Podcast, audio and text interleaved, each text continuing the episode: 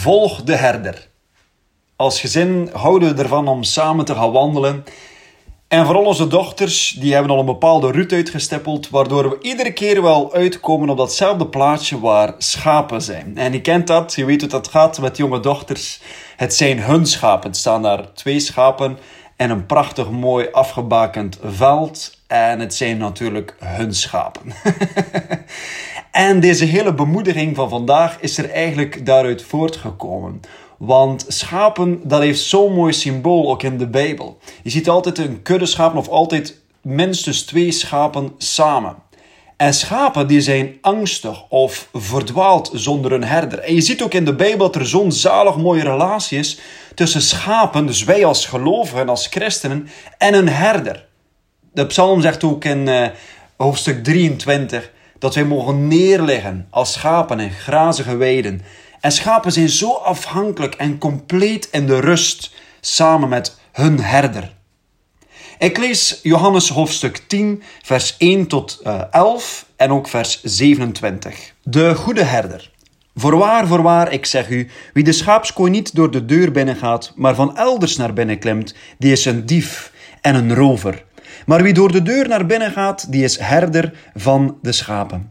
Voor hem doet de deurwachter open en de schapen horen zijn stem. En hij roept zijn schapen bij hun naam en leidt ze naar buiten.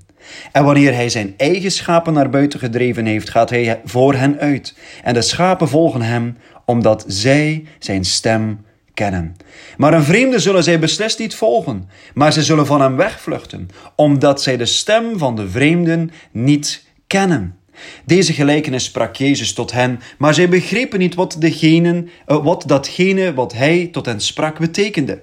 Jezus dan zeide opnieuw tot hen: Voorwaar, voorwaar, ik zeg u, ik ben de deur voor de schapen. Allen die voor mij gekomen zijn, zijn dieven en rovers, maar de schapen hebben niet naar hen geluisterd. Ik ben de deur, zegt Jezus. Als iemand door mij naar binnen gaat, zal hij behouden worden. En hij zal ingaan en uitgaan en weide vinden. De dief komt alleen maar om te stelen, te slachten en verloren te laten gaan. Maar ik ben gekomen, zegt Jezus, opdat zij leven hebben en overvloed. Ik ben de goede herder. De goede herder geeft zijn leven voor de schapen. En vers 27. Mijn schapen horen mijn stem en ik ken ze en zij volgen mij. Ik lees ook Johannes hoofdstuk 3 vanaf vers 1, het gesprek met Nicodemus. En er was een mens uit de Farizeeën, zijn naam was Nicodemus, een leider van de Joden. Deze kwam s'nachts naar Jezus toe en zei tegen hem: Rabbi, meester, leraar, wij weten dat u van God gekomen bent als leraar, want niemand kan deze tekenen doen die u doet als God niet met hem was. Jezus antwoordde en zei tegen hem: Voorwaar, voorwaar, ik zeg u, als iemand niet opnieuw geboren wordt, kan hij het koninkrijk van God niet zien. Nicodemus zei tegen hem: Hoe kan een mens geboren worden als hij oud is? Hij kan toch niet voor de tweede keer in de buik van zijn moeder ingaan en geboren worden? Jezus antwoordde: Voorwaar, voorwaar, ik zeg u, als iemand niet geboren wordt uit water en geest, kan hij het koninkrijk van God niet binnengaan. Wat uit het vlees geboren is, is vlees. En wat uit de geest geboren is, is geest. Verwonder u niet dat ik tegen u gezegd heb: U moet opnieuw geboren worden. De wind waait waarheen hij wil en u hoort zijn geluid, maar u weet niet waar hij vandaan komt en waar hij heen gaat. Zo is het ook met iedereen die uit de geest geboren is. Nicodemus antwoordde en zei tegen hem: Hoe kunnen deze dingen gebeuren? Jezus antwoordde en zei tegen hem: Bent u de leraar van Israël en weet u deze dingen niet? Vers 14. En zoals Mozes de slang in de woestijn verhoogd heeft, zo moeten zondesmensen verhoogd worden, opdat ieder die in hem gelooft niet verloren gaat, maar eeuwig leven heeft. Want zo lief heeft God de wereld gehad, dat hij zijn enige geboren zoon gegeven heeft, opdat ieder die in hem gelooft niet verloren gaat, maar eeuwig leven heeft.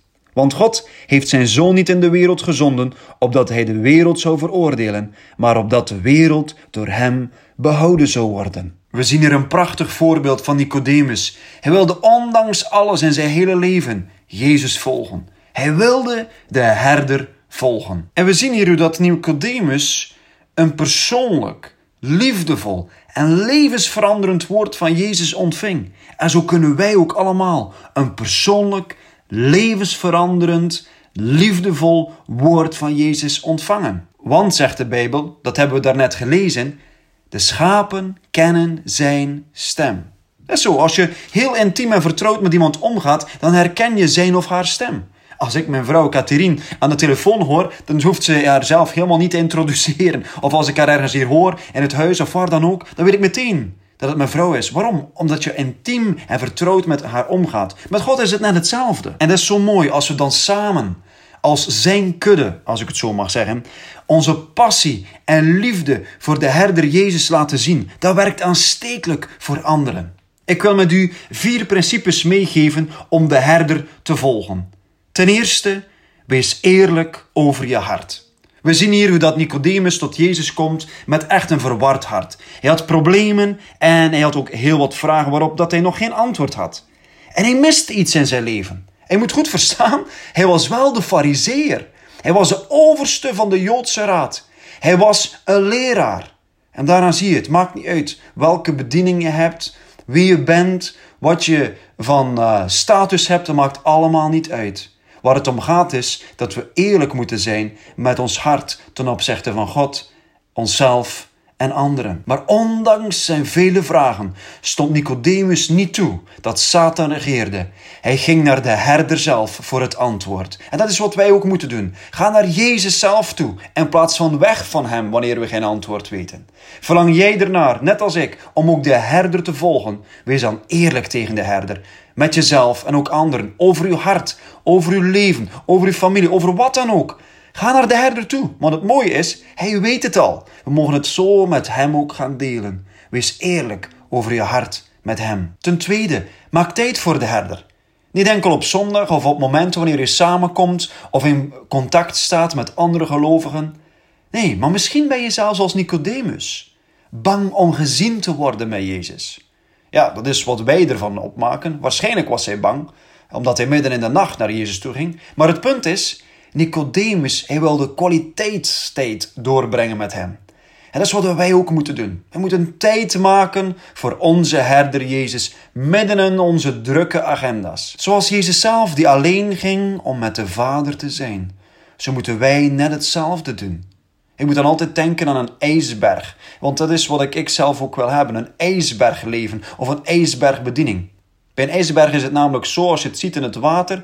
Je ziet bovenaan de top van de ijsberg boven water. Maar als je onder water kijkt, daar zie je het grootste deel van de ijsberg.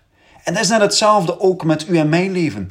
Het grootste gedeelte van onze relatie die we hebben met God is in het onzichtbare deel, onder water, waar niemand het ziet, maar wel heel veel kwaliteit en sterkte vanuit komt, omdat we die persoonlijke relatie hebben met God. Jacobus 4, vers 8 zegt: Nader tot God en hij zal tot u naderen. En dat is ook zo. Als jij de herder volgt, zal hij naar jou toe komen. Als jij serieus wordt met Jezus, zal hij het serieus nemen met jou. Als jij tijd neemt met Jezus, dan nadert hij tot ons en wil hij met ons in gesprek gaan. Dus ga weg van de menigte, net zoals Nicodemus deed. Ga weg van de drukte. Sta als het ware s'nachts op. Hoef je niet altijd letterlijk te doen. Maar het belangrijkste is, ga naar de herder. Misschien voor het slapen gaan, geen schapen tellen, maar spreek met de herder in de plaats. Maar vergeet niet, Jezus nam de tijd om het uit te leggen aan Nicodemus. En hij zal ook alle tijd benutten en tijd maken voor jou om dingen en zaken duidelijk te maken en uit te leggen. Ten derde, Maak jezelf leeg. Nicodemus was echt een droomleerling voor een leerkracht. Net als jij. Want wat gebeurde er? Hij kwam leeg. Hij kwam in alle nederigheid. Niet arrogant, alsof dat hij alles al wist. Nee, dat is niet goed. Ik herinner me nog toen ik in uh, Zuid-Afrika was en ik stond in Durban op het strand en ik een handje vol zand in mijn handen nam en dat God mij duidelijk maakte. Wij als mens denken vaak van, wauw, wij kennen alles wat we hier in ons hand hebben. Al die zandkorreltjes hebben wij geteld. En dat is wat wij als het ware symbolisch van de kennis van God hebben.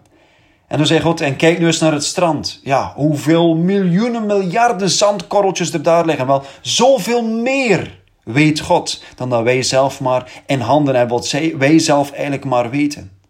Dat is zo mooi ook van Nicodemus. Hij kwam heel nederig. Hij stelde vragen. Hij dacht na. En had het verlangen om bij te leren. Hij had oren om te luisteren. Hij kwam met een verbroken hart. Als jij verlangt om de herder te volgen, schud dan elke hoogmoed af. Jezelf, jouw eigen attitude.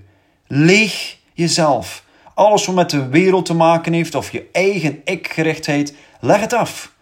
Kom naar Jezus, zodanig leeg dat Hij jou kan vullen. Ten vierde en tot slot, word intiem. Nicodemus had een vriendschapsrelatie met de herder Jezus. Meningen van anderen, dat kon hem niet schelen. Zelfs de mening niet van religieuze leiders, dat kun je zelfs ook lezen in Johannes hoofdstuk 7, vers 50 en 51. We zien hier zo mooi van die intimiteit die hij had met Jezus. Daaruit kwam zijn identiteit. De laatste keer trouwens dat Nicodemus vermeld staat in de Bijbel was bij de kruisiging van Jezus. Waar enkel Nicodemus en Jozef mirre brachten om Jezus lichaam te balsemen. Zo zie je, hij werd intiem met de herder Jezus Christus. Voor eerst was hij nog zo bang toen hij naar Jezus toe kwam. Maar nu is hij op het punt gekomen dat hij publiekelijk, openlijk beleidt dat hij Jezus de herder volgt als een van zijn schapen, deel van het geheel, van de hele kudde, van het lichaam van Jezus Christus. Die intimiteit spreekt over het partnerschap dat we nu hebben met God de Vader. En dat is mijn vraag die ik ook wil stellen naar u, na deze korte boodschap. Wil jij opwekking zien in jouw leven? Wil je opwekking zien in jouw gezin, in jouw straat, in jouw dorpen, in jouw steden, in jouw land? Wil je verandering zien? Wil je Gods stem verstaan? Wil je Zijn leiding ervaren? Wel, ga naar de herder. Volg de herder. Elke dag opnieuw. Als jij net als Nicodemus een levende getuigenis wil zijn van de herder Jezus Christus, waar je ook gaat, Volg hem dan, altijd en overal. Want vaak denken we dat Johannes 3, vers 16, want al zo lief heeft God de wereld gehad, dat hij zijn enige geboren zoon gegeven heeft, opdat in ieder die in hem gelooft niet verloren gaat, maar eeuwig leven ontvangt. We denken allemaal dat Jezus dit verkondigt aan een hele menigte mensen. Nee, hij sprak dit woord heel persoonlijk tot één individu. Nicodemus, in alle liefde, maar het was een levensveranderend woord. En zo mogen wij dat ook ontvangen, wanneer wij heel intiem de herder volgen. En dat is mijn uitdaging voor u en voor mij, elke dag opnieuw, om Jezus Christus, onze herder, elke dag opnieuw te volgen, zodanig dat we opwekking mogen meemaken in onze eigen levens, in onze huwelijken, in onze gezinnen en met iedereen waarmee we in contact komen. In Jezus' naam, amen.